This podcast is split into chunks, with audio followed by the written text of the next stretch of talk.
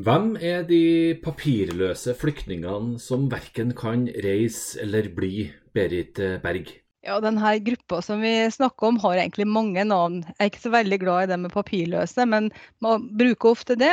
Så snakker man noen ganger om lengeventende, noen ganger om de ureturnerbare. Vi snakker om tidligere enslige mindreårige, så det er en sammensatt gruppe det her. Um, så ingen av begrepene dekker liksom hele gruppa. Uh, mange har jo egentlig også papiret, men de vurderes ikke som tilstrekkelig av UDI og UNE, som gjerne vil kreve et pass fra hjemlandet. Eh, det de har felles, er at de er tidligere enslige mindreårige som da eh, kom til Norge som barn, men som nå befinner seg i en fastlåst situasjon eller har en uavklart eh, status og bor da på asylmottak for voksne asylsøkere. Mange har bodd der i mange år, fire, fem, seks år. De sliter psykisk, mange har mista alt framtidshåp, og de går med selvmordstanker. Det gjelder mange. De er altså en, det jeg vil kalle en ekstremt fastlåst situasjon. Det er nettopp de her ungdommene denne utgaven av Forskerpodden skal handle om.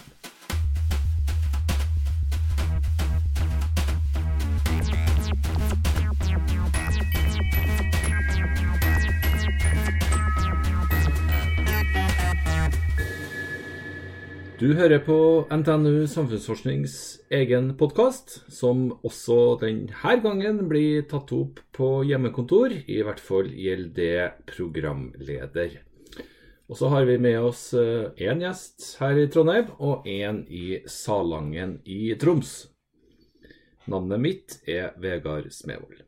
Velkommen skal du være.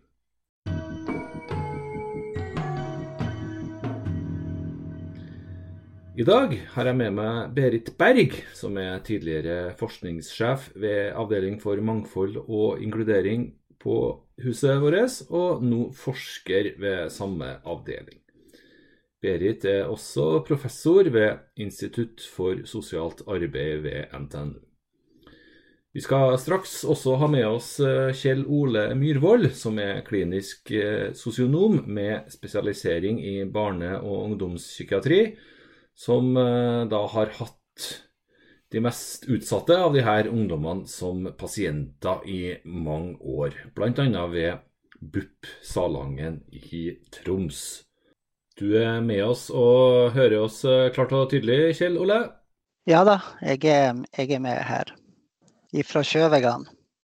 Så bra. Som er i Salangen kommune. Nettopp. Aller først, eh, Berit Berg. Hvorfor kan ikke de her eh, ungdommene eh, reise hjem?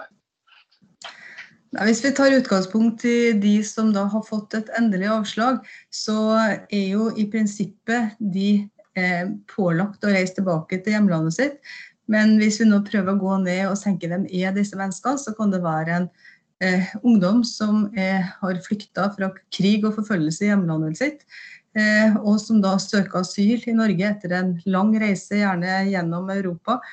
Eh, så kommer de hit, søker asyl, og så får de da lov til å bli til de 18 år fordi de er mindreårige uten omsorgspersoner. Hvis de får avslag, så er de da pålagt å vende tilbake til det landet de flykta fra fordi de var forfulgt, og fordi de frykta for livet sitt. Eh, det er det ikke vanskelig å sette seg inn i at det er en situasjon som ikke så mange har lyst til å gå inn i frivillig. Og hvis ikke retur til et hjemland er frivillig, så er de såkalt ikke returnerbare, og dermed blir de boende. Det er en gruppe. Så det er de som man lurer på er eh, om de har den identiteten som de sier de har.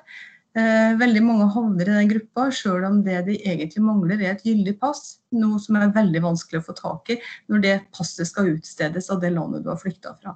Så du kan si det er mange historier her. Det, godt, det kunne vært mer detaljert også. Men det som er felles for dem, er at de ikke har varig opphold i Norge, og at de opplever det som, som helt umulig å vende tilbake til et hjemland som fortsatt kanskje er i krig, og hvor det foregår sterke forfølgelser av mennesker. Mm, det høres jo ut som en uh, ekstremt uh, låst situasjon, rett og slett. Ja, det er jo det. Og du kan si at eh, så lenge de er mindreårige, altså under 18 år, så vil jo både barnekonvensjon og flyktningkonvensjonen gjelde for dem. De har en mm. beskyttelse i det at de er barn. Men eh, så ble det for noen år siden innført en bestemmelse, en regulering, som gjorde at eh, de mindreårige da eh, ble behandlet som voksne når de var 18 år, og fikk ikke lenger den beskyttelsen de hadde som mindreårige. Og Det er jo noe av det som vi også er blitt kritisert for i Norge, at vi ikke lar denne gruppa bli behandlet sånn som vi ville behandla norske barn som er under barnevernloven og under reguleringer som Barnekonvensjonen dekker. At de at de da ikke har den samme beskyttelsen til de er over 20, helt opp til 25, som barnevernloven tilsier. Ja, riktig. Eh, hvem er det som eh, kritiserer oss? Ja, FN, kritis FN kritiserer det. Og fra å være blant de landene som ble regna som ganske liberale i sin innvandringspolitikk, eller asylpolitikk, så regnes vi i dag blant de som har det strengeste. Og Det er jo eksempler på at eh, ungdommer som da har fått eh, begrensa opphold til de er 18, og, og så har fått eh, ikke lenger har gyldig oppholdstillatelse i Norge, at de har flyktet videre til andre land. Et eksempel som er helt konkret eh, fra de siste månedene, er jo en som flyktet, eh, eller dro videre til Frankrike, og som faktisk fikk asyl der. Og Det er jo også en interessant situasjon at Norge da er strengere enn et land som Frankrike. Mm. I dette tilfellet. Det er riktig. Eh, hvor mange uh, ungdommer er det her i Norge? Du... Nei, hvis, hvis, du tar inn hele gruppa som er papirløs, som, som, vi ikke helt vet hvor er hen altså Det er jo det her også, at eh, du, du sier ikke ja takk til et opphold på et asylmottak hvis du er redd for at noen vil komme og hente deg. Noen vil jo i dette tilfellet være politiet, og det skjer jo fra tid til annen på alle mottak. Eh, sånn at mange forsvinner. Eh, noen forsvinner ut av landet, det er ganske vanskelig akkurat nå. Noen forsvinner eller går under jorda i Norge og, og blir det som de fleste tenker på som papirløse. De, de, fordi de går under radaren, så er det vanskelig å telle. Men vi snakker om noen hundre, men vi vet jo ikke helt sikkert hvor mange av dem som faktisk da har dratt videre til, til et annet land. Og dermed eh, blir i en situasjon hvor de da er nødt til å leve fra hånd til munn. Eh, vi har sett det. De lever under broene, de lever i provisoriske teltleirer og får mat av folk som, som eh, gir dem det. Så dette her er jo å leve eh, helt under eksistensminimum, egentlig. Mm. Hvor, i, hvor, i, Norge befinner de seg? Ja, de kan for så vidt befinne seg overalt, men det vi vel vet mest om, er at de befinner seg i i eh, storbyene og mange i Oslo. Sånn at eh, under broer eh, på steder hvor det er mulig å kunne søke ly uten at man blir fanget opp, det er på en måte den situasjonen som vi vet mest om. da. Men det vi har hatt fokus for dette her er også basert, det vi snakker om nå, er også basert på at vi nylig har gjort en undersøkelse. Mm. Og mm. den jo, snakker jo mest om de da som fortsatt opplever det som trygt å være på et asylmottak, og hvor ja. de som da kom som barn, må flytte til et voksenmottak med veldig, eh, veldig begrensa eh, både rettigheter og muligheter.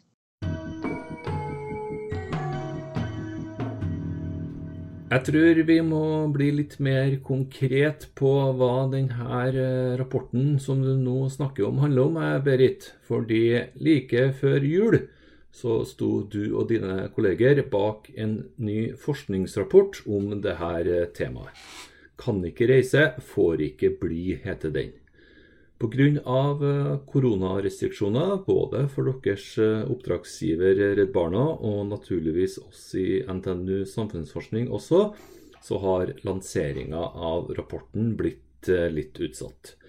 Men nå er du endelig her i studio til Forskerpodden.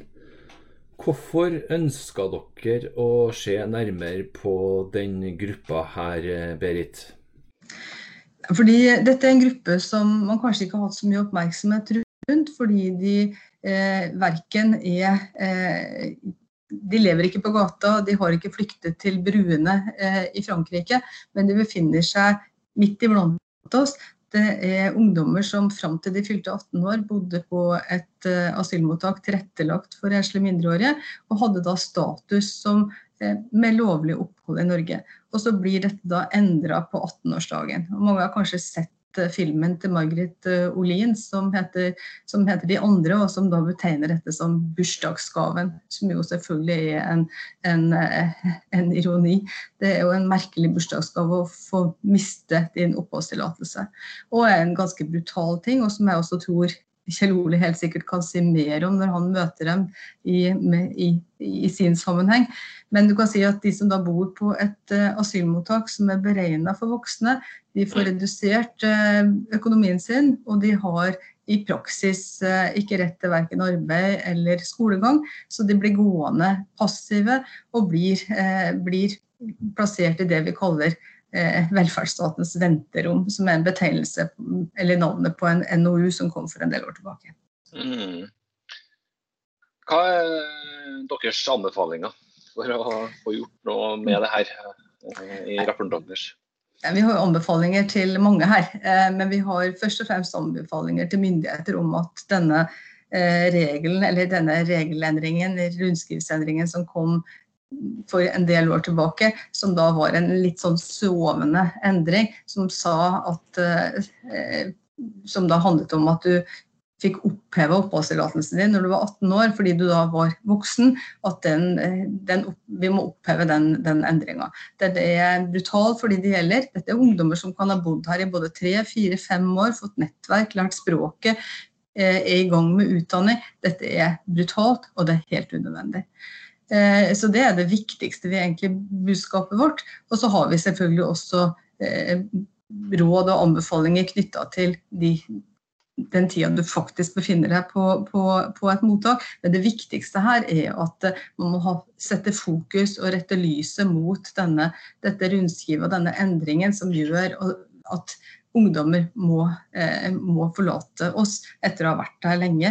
Og det er ingen tvil om at dette er en gruppe som både har vært forfulgt, som eh, har vært utsatt for som har vært utsatt for, for mye brutalt underveis. Men eh, når det da ikke blir vektlagt i asylprosessen, så havner du i den situasjonen som disse ungdommene er i.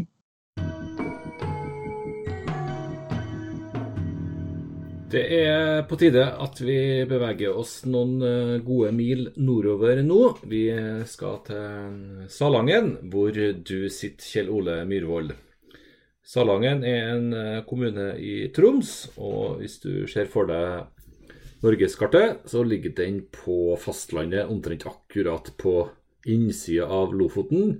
Midt imellom Narvik i sør og Norges nest største øy, Senja i nord.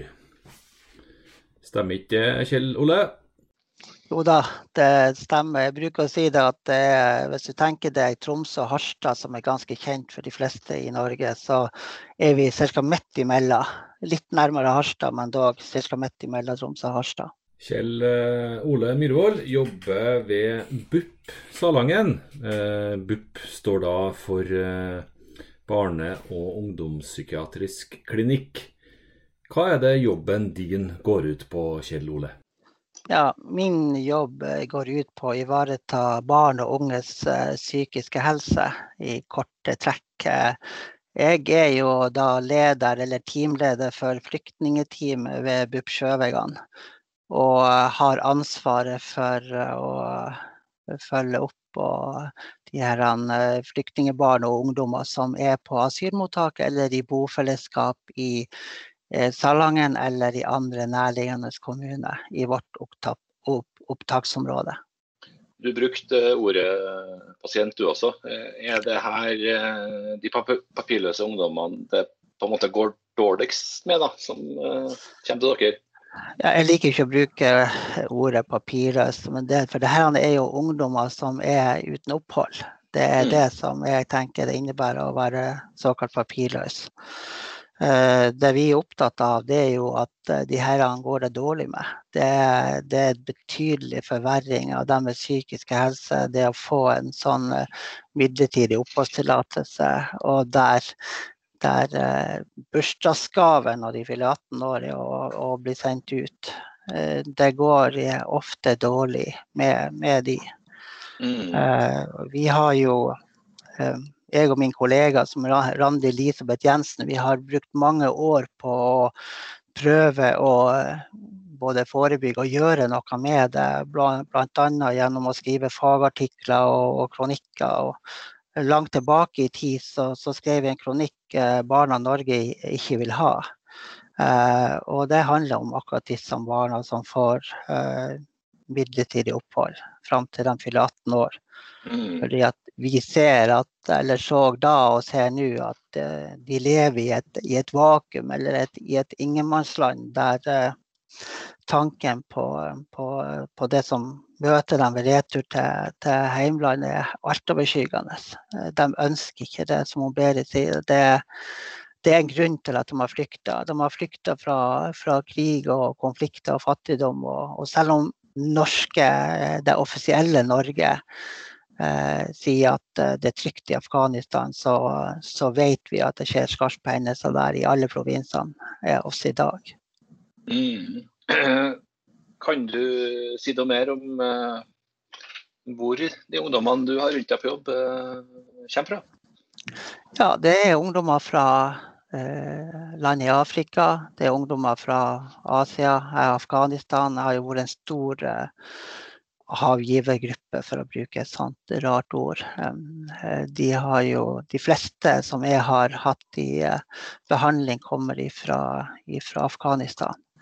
Eh, Nå er det jo svært få som kommer, eh, fordi vi har bestemt oss for at eh, vi har stengt grensene. Og det er ikke bare covid-19 som, som, er skyld i det. Det er også andre politiske forhold som, som gjør seg gjeldende. Mm. Hvordan havna de her i Troms, da? Hvordan å si noe om det? Ja, Det er jo ungdommer som er henvist, eller som er, da opprinnelig kommer til transitt og blir sendt, eh, de som er under 18 år, blir sendt til Mysebu, som er et, et mottak. Eh, og blir fordelt eh, til Sjøvegan, som er nå landets eneste enslig mindreårig mottak. Ja, riktig. Jo, ja. Så, så, mm. sånn kommer de. Det kan jo også være sånn at det er ungdommer som er bosatt i kommuner som har eh, botiltak for eh, enslige mindreårige. Og sågar eh, også de unger som er under 15 år, som eh, har eh, rettigheter til å bo i såkalte omsorgssentre, men eh, de fleste er da ungdommer som bor på Sjøvegan mottak og på og de omkringliggende kommuner. Mm. Eh, jeg vet at, eh, eller Du sa det jo, at det begrepet papirløs flyktning er et begrep kanskje verken du eller Berit liker å bruke. Hva er det man skal si isteden? Spør deg da, Berit. Nei, Det finnes jo ikke egentlig en fellesbetegnelse på det her. og Jeg er også helt enig med Kjell Ole at dette er ikke noe godt begrep. Eh, innenfor dette, dette det som ofte da omtales som papirløse, så har du jo de som er såkalt ureturnerbare. Du har de som, eh, de som har det knytta ID-tvil. Og Hvis jeg får lov, så kan jeg jo si bare et ord om akkurat det med ID-tvil. Det, eh, altså det at man ikke har papirer som kan dokumentere identitet, det kan jo kanskje tilsynelatende høres veldig rimelig ut. At vi kan ikke slippe inn folk som man ikke vet hvem er. Så må vi si hva handler dette om? Det handler ikke om at de ikke har papirer, men det handler om at de ikke har det papiret, nemlig det passet som skal til. Og det passet er det veldig vanskelig, som jeg så, allerede har vært inne på, veldig vanskelig å få tak i. For å si det sånn, ambassaden til Afghanistan er ikke veldig hjelpsom. Heller ikke fra Somalia. Noen ganger så handler det ikke om mangel på hjelpsomhet, det handler rett og slett om mangel på tilgjengelighet. Noen ganger må du også eh, oppsøke ambassaden mange ganger. Dette koster penger, det tar tid, og selv ikke da er det sikkert at du får papirer. Sånn at det er jo ikke en viljesak, dette her. Nei, skjønner. Eh, vi får eh, prøve å sette strek over det begrepet fra nå. Vi i hvert fall, da. Eh, Kjell Ole, kan du si, eller fortelle litt nærmere om enkelte av de ungdommene du møter? Ja, jeg kan Jeg har jo jobba i mange, mange år med dette, sånn at jeg har jo mange historier. Og så, så er det noen, noen, historier som man husker bedre enn andre. og mm. felles, felles, for dem er jo at, uh, at det her med psykisk uhelse som, eh, som blir et, et sentralt stikkord, ikke sant? det genererer store kostnader for både i forhold til tvangsinnleggelser og døgnkontinuerlig oppfølging osv. Eh, vi vet at uh, vi har erfart at mange av de havner på sånne type tunge kostnads... Eh, tunge tiltak som, som, fordrer mye økonomi, og som kunne vært brukt på en helt annen måte. Eh, så, men hvis jeg nå kan ta i, i historien, så, mm. så, eh, så, kan jeg trekke fram noen, noen, ting i forhold til denne saken. Dette er en gutt som, som kom til Norge som enslig mindreårig asylsøker fra Afghanistan i 2019. Han var da 16 år.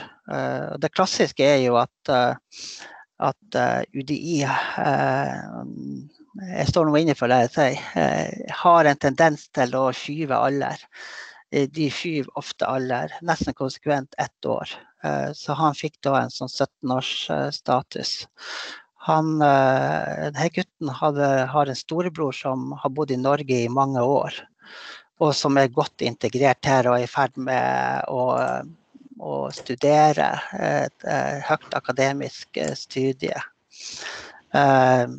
Han ble sendt til, til Det naturlige ville jo være at denne gutten ble sendt til et mottak i nærheten av, av broren. Men det skjedde ikke. Han ble da sendt til et mottak i en annen landsdel. Uh, som vel som for de fleste så hadde han hatt en lang og farlig flukt gjennom Europa. Og, og brukte vel et år på, på denne flukten, som noen kaller, som en, kaller for en reise. Eh, også på veien så, så, ble han jo både dårlig behandla, han ble slått og, ja, og utnytta av folk som ikke vil flyktningene vel. Eh, han var også en eh, som mange andre opplevde farlige, svært farlige eh, grensepasseringer som eh, setter dem i sånn livstruende situasjoner. Eh, og mange av de som man flykter sammen med, de, de, flykter alene, men de flykter med andre. Eh, de eh, måtte snu eller, eller ble tatt, men han klarte nå å komme seg fram til Norge fikk etter hvert eh, alvorlige psykiske problemer og eh, selvskader og hadde, ble suicidal eller hadde selvmordstanker. Ønska ikke å leve. Eh, da han kom fram til Norge, så, så, var han jo glad for å endelig ha klart det. Han har kommet seg gjennom alt det her de her uh, utfordringene underveis. Og jeg har jo lyst til å bare skyte inn en en digresjon, men viktig da, på, på merknad om at uh, dette er overlevere. For ofte så blir de fremstilt som, som, som offer, men jeg vil påstå de, jeg har et, et, begrep som jeg liker å bruke, det her med sårbare overlevere. det syns jeg er veldig dekkende for disse ungdommene. Mm. Eh, men som sagt, da han kom fram til Norge, så var han veldig glad for å, for å få møte storebroren og, og, komme til et trygt land. For livet, livet, i Afghanistan var for han, og som for mange, både vanskelig og farlig. En, eh, han hadde en eldre bror som var drept i krigen, og han hadde flere kamerater som var sprengt eh, til filler i, i en bombeeksplosjon. Uh, og apropos dette med skarpe hendelser. Jeg hørte på ei uh, Moa Lønning, som kanskje du, Berit, er kjent med. Uh, hun hadde en sånn gjennomgang av sikkerhetssituasjonen i Afghanistan. Og det er jo helt annet bilde, de faktiske forholdene, enn det norske myndigheter fremstiller. I hvert fall sånn som jeg har erfart, og sånn som jeg leste. Eh, etter ca. ni måneder i Norge så kom svaret på asylsøknaden til han eh, fra UDI, da, eh, som behandler søknadene i første instans. Han fikk avslag på søknaden om beskyttelse, og det var da tre måneder før at han skulle fylle 17 år.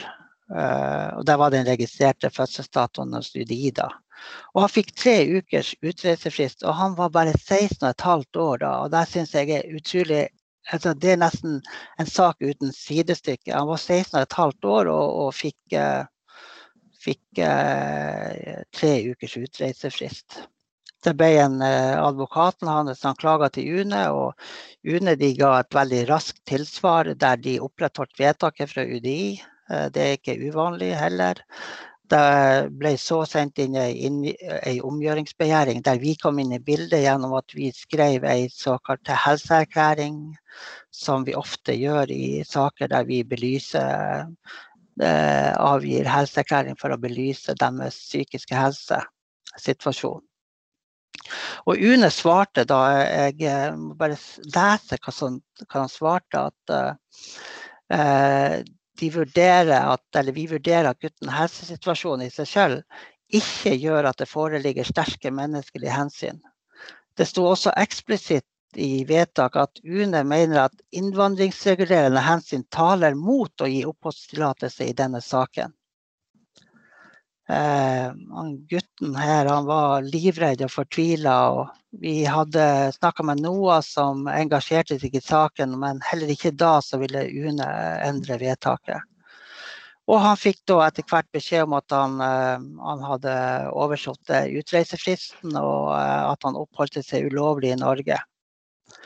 Og eh, han følte, til tross for at han alltid alt i han kjempa imot og han, han, var så redd for å forlate Norge, så gjorde han det i desperasjon, mm. sånn som vi ser det. Og, for han var livredd for å bli henta av politiet og sendt tilbake til Afghanistan. Og det er jo noe som er verdt å merke seg, at dette er ikke bare for de som har uh, midlertidig opphold, det er også de som har fått en varig oppholdstillatelse, som kommer til meg eller kommer til oss og som uttrykker frykt for å bli sendt tilbake fordi at de har hørt historiene at selv når du har fått opphold, så kan du bli sendt tilbake. Og hva er det slags samfunn vi skal liksom ha?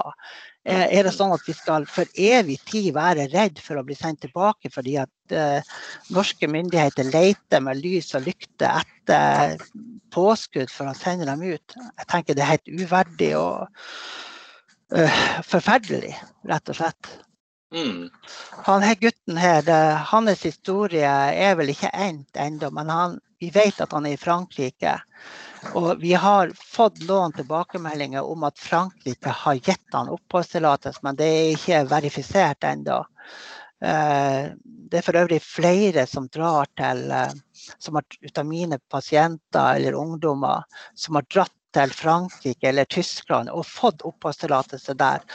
Og som Berit sa, sier jo det litt om eh, vi liker jo vi, det, det, sier noe om situasjonen i Norge. Til tross for at vi liker å slå oss på brystet og, hevde at vi, vi, har inkorporert barnekonvensjonen og flyktningkonvensjonen og vice versa. Og, ja, nei, jeg tenker at uh, vi, har, vi, har, en lang vei å gå i forhold til å behandle disse ungdommene på en god og verdig måte, sånn som de mm. fortjener det.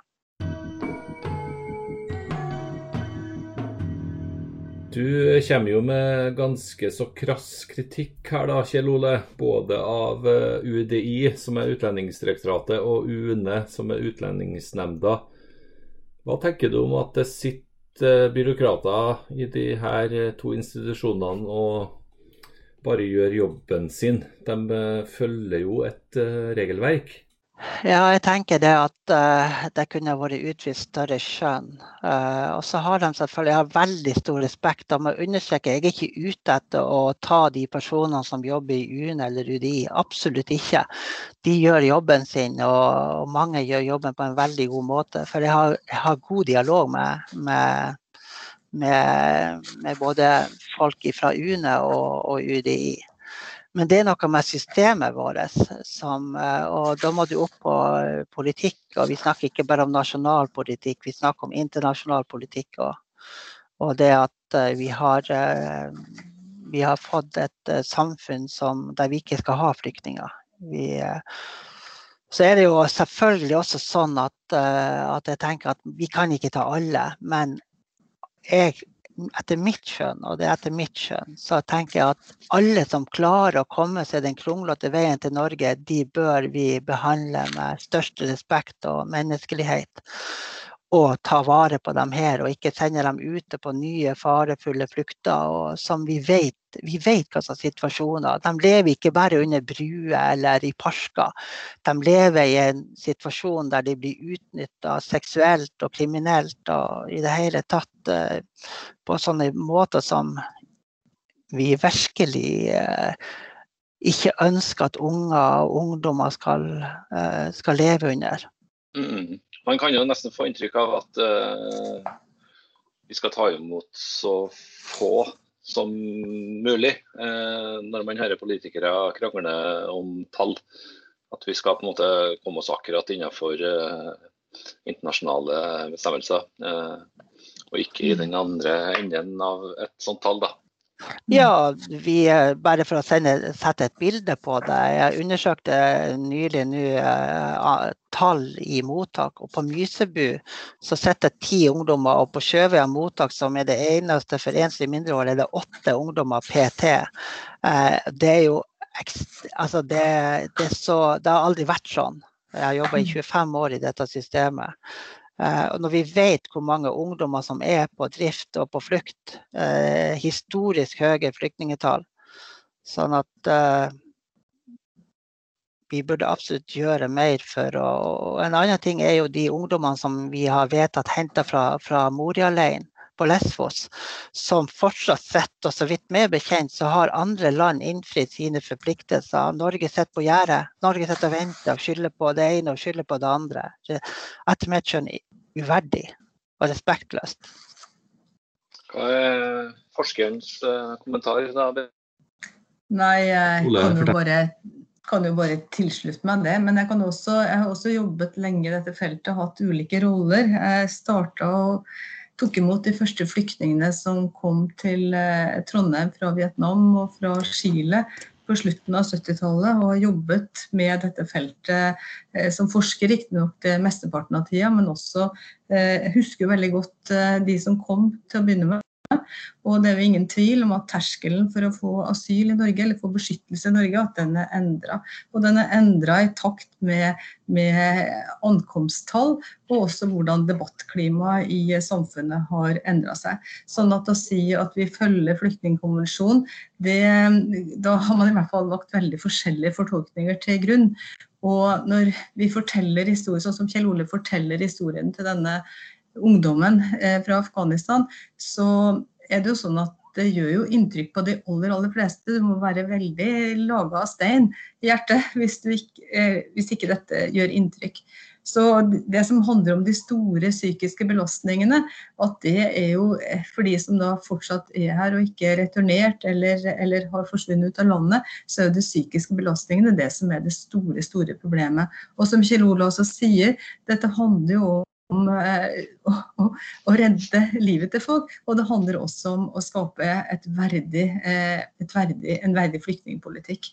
Sånn at det det er jo nesten sånn at når vi forteller historier som, som det Kjell Ole gjør, så, så, så, tror ikke folk på det nesten. Og det, og det syns jeg er, sier jo litt om, om, hvor ille det er blitt. Vi, men på samme tidspunkt som nordmenn, eh, norske soldater i, eh, i, Afghanistan eh, måtte gå med skuddsikre vester og i lange perioder ikke kunne gå ut på gata, så sendte vi faktisk flyktninger tilbake igjen til det landet. Og de ble sendt tilbake til f.eks. til Kabul, hvor de aldri hadde vært, hvor de ikke hadde bodd, og hvor de ikke hadde nettverk. Og dette er ungdommer. Det er det som heter barnekonvensjonene. Barn. De var under 18 år. Noen var 15, 16, 17. Eh, dette var ikke lykkejegere. Dette var ungdommer som var fortvilt, og som var forfulgt.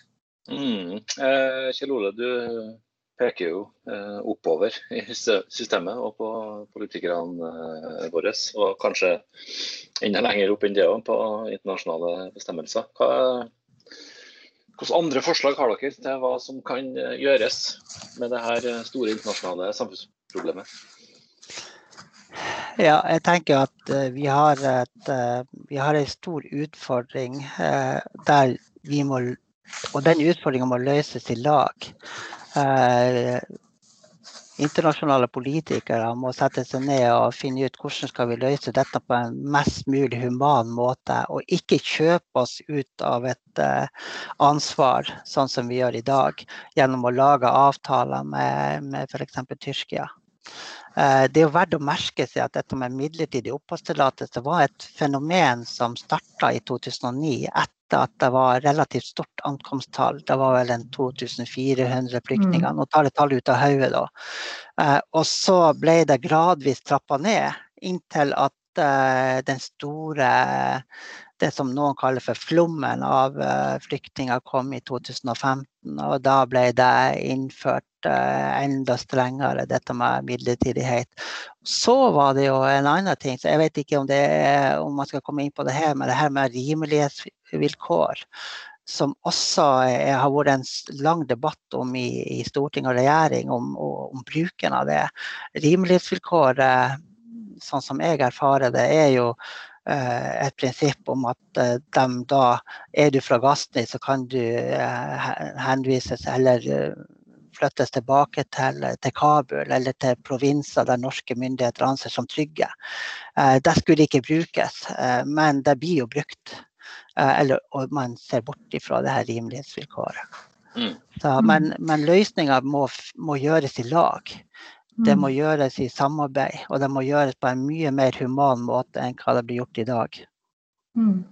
Hvis jeg kan få føye til litt på det her, så, så altså I den rapporten vår eh, så har vi anbefalinger til storting og regjering, til UDI, til mottakene og til eh, frivillige, eller de som tilhører sivilsamfunnet. Og når det gjelder det som, eh, de som sitter med myndighet til å kunne gjøre de største endringene, så er jo det det som er anbefalinger til storting og regjering. Og det vi er opptatt av der, er jo at eh, de må oppheve, eller i hvert fall redusere bruken av disse begrensede oppholdstillatelsene. Det å gjøre et skille på 18-årsdagen, det oppleves som brutalt. Og vi har sett, hørt eksempler på det her så er vi opptatt av at eh, de som kommer hit som mindreårige, må kunne få den samme beskyttelsen i, eh, i barnevernloven som eh, andre barn som er uten omsorgspersoner. Og Det betyr også at de skal ha rett til ettervern. Og ettervern er ikke å bli sendt til Kabel, ettervern er å ha en gradvis overgang til du blir voksen. Det ville gjort en stor forskjell om vi kunne innføre en praksis som gjør at flyktninger blir behandlet som andre barn når de ikke har foreldre her. Mm. Og så en tredje ting, for å ta, hvert fall, plukke ut tre ting her, så er det jo også det som handler om eh, dokumentasjon. Altså denne, det er urimelig å forlange at du skal ha pass fra det landet du har flyktet fra.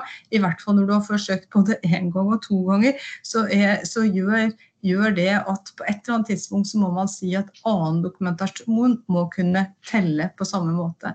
Sånn at her er det helt tydelige meldinger oppover. Eh, og vi vet jo også at eh, de som da allerede har kommet hit, og som har fått eh, endelige avslag eller har fått begrensninger som gjør at de per nå ikke har lovlig opphold her, eller i hvert fall ikke varig opphold, at det også må kunne, de må kunne gis amnesti. Eh, en, en sammenligning som selvfølgelig ikke blir helt lik, for det dreide seg om en hel gruppe. Men i, da vi tok imot flyktninger fra Bosnia tidlig på 90-tallet, så etter tre år så ble det gitt amnesti for alle som hadde vært der i denne treårsperioden, fordi det ikke var rimelig å forvente at de skulle flytte tilbake. De aller fleste ble i Norge, så at amnesti har vært Eh, vært gitt i helt andre situasjoner, og situasjoner som de fleste vil forstå ikke var eh, på langt nær så dramatiske. Og vi har mange andre eksempler også på at man har gitt amnesti. Det dreier seg om 29 personer per i dag som bor på norske asylmottak, som er i de kategoriene vi har snakket om her. De 29 personene burde etter både 3, 4, 5, 6, 7, 8 år få slippe. Systemet burde også slippe å måtte jobbe en, på en uverdig måte, som det jo er, å gi folk langt under det som vi regner som fattigdomsgrensa i økonomisk tilskudd, frata dem retten til å gå på skole, og i praksis også frata dem retten til å kunne ta arbeid. Altså, vi skaper en situasjon som skaper enda flere eh, psykisk syke, som da etterpå henvises til BUP. Dette er både uverdig og det er fryktelig lite lurt. Mm. Har du noen kommentarer til det siste Berit sa der, Kjell Ole? Nå ser jeg du har utdannet der, er du? Nei, jeg har uh, slutt, slutta meg helt og fullt og helt til det å Berit sier. Det, det, er mange ting som kan gjøres. Og det er sånn mange paradokser. Vi jobber jo for å gi psykisk helsehjelp for å, uh, til de her ungdommene, ungene, ungdommene. Uh, og det er jo sant, det som, det som, skjer i Norge med disse, det er jo stikk i strid med, med intensjonen i FN sin, eh, sin, barnekonvensjon. Sånn som vi ser det her, det, det, det er mulig å, å, få til verken rehabilitering eller sosial reintegrering eh, i en tidsperiode der ungene bare venter på å bli sendt tilbake til, til heimlandet. Mm. Så nei, det er en stor, stor utfordring.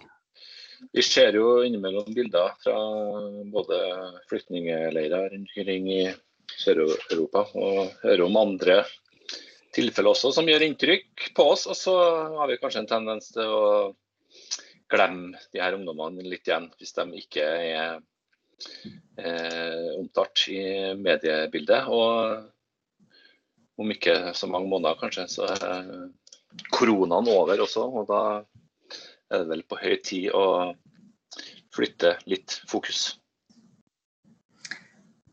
Ja, og du kan si at eh, det som i dag Vi har ofte ikke plass til mer enn en, en, eller to ting i hodet samtidig.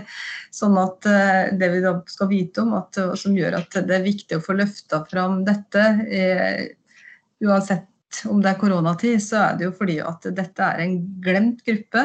Eh, hver eneste dag så har de det tøft på mottakene. Og hver eneste dag så, så er det andre som, eh, altså som, som, allerede har reist, som har det tøft der de er. Så dette her dreier seg også om å, å skape et verdig samfunn, og også oppfylle de forpliktelsene som vi har eh, etter barnekonvensjon og flyktningkonvensjonen. Og det vi har pekt på i rapporten vår, er noen veier i det. I tillegg til at vi også har pekt på behovene for psykisk helsehjelp. De som kommer til Sjøvegan asylmottak og som kommer til Salangen kommune, er jo heldige. Det er jo få kommuner som har et så godt eh, utbygd og eh, helsevesen, psykisk helsevesen som de har i Salangen. Og det er få som også også prioriterer dette så høyt som de gjør der oppe. Så som sagt, de er heldige, men, eh, men de er jo ikke heldige uten hermetegn. fordi det basic her er jo at dette er en gruppe som, som sliter hver eneste dag. Da er det bare å håpe at uh, hverdagen for de her ungdommene uh, bare må bli bedre i fremtida. Da takker jeg for uh, praten. Berit Berg som uh, satt et par uh, kilometer oppi bakken her. Og så er vi veldig glad for at også Kjell Ole Myhrvold var med oss fra Salangen i Troms. Programleder er som vanlig Vegard Smevold. NTNU Samfunnsforsknings egen podkast. Den heter Forskerpodden. Du kan uh, følge oss på Facebook og Instagram. Der uh, søker du opp Forskerpodden, og så er det helt fint om du sender oss uh, kommentarer eller spørsmål. Og så hører du oss på alle mulige plattformer for podkast. Ha det bra til Berit og Kjell Ole. Vi høres neste gang.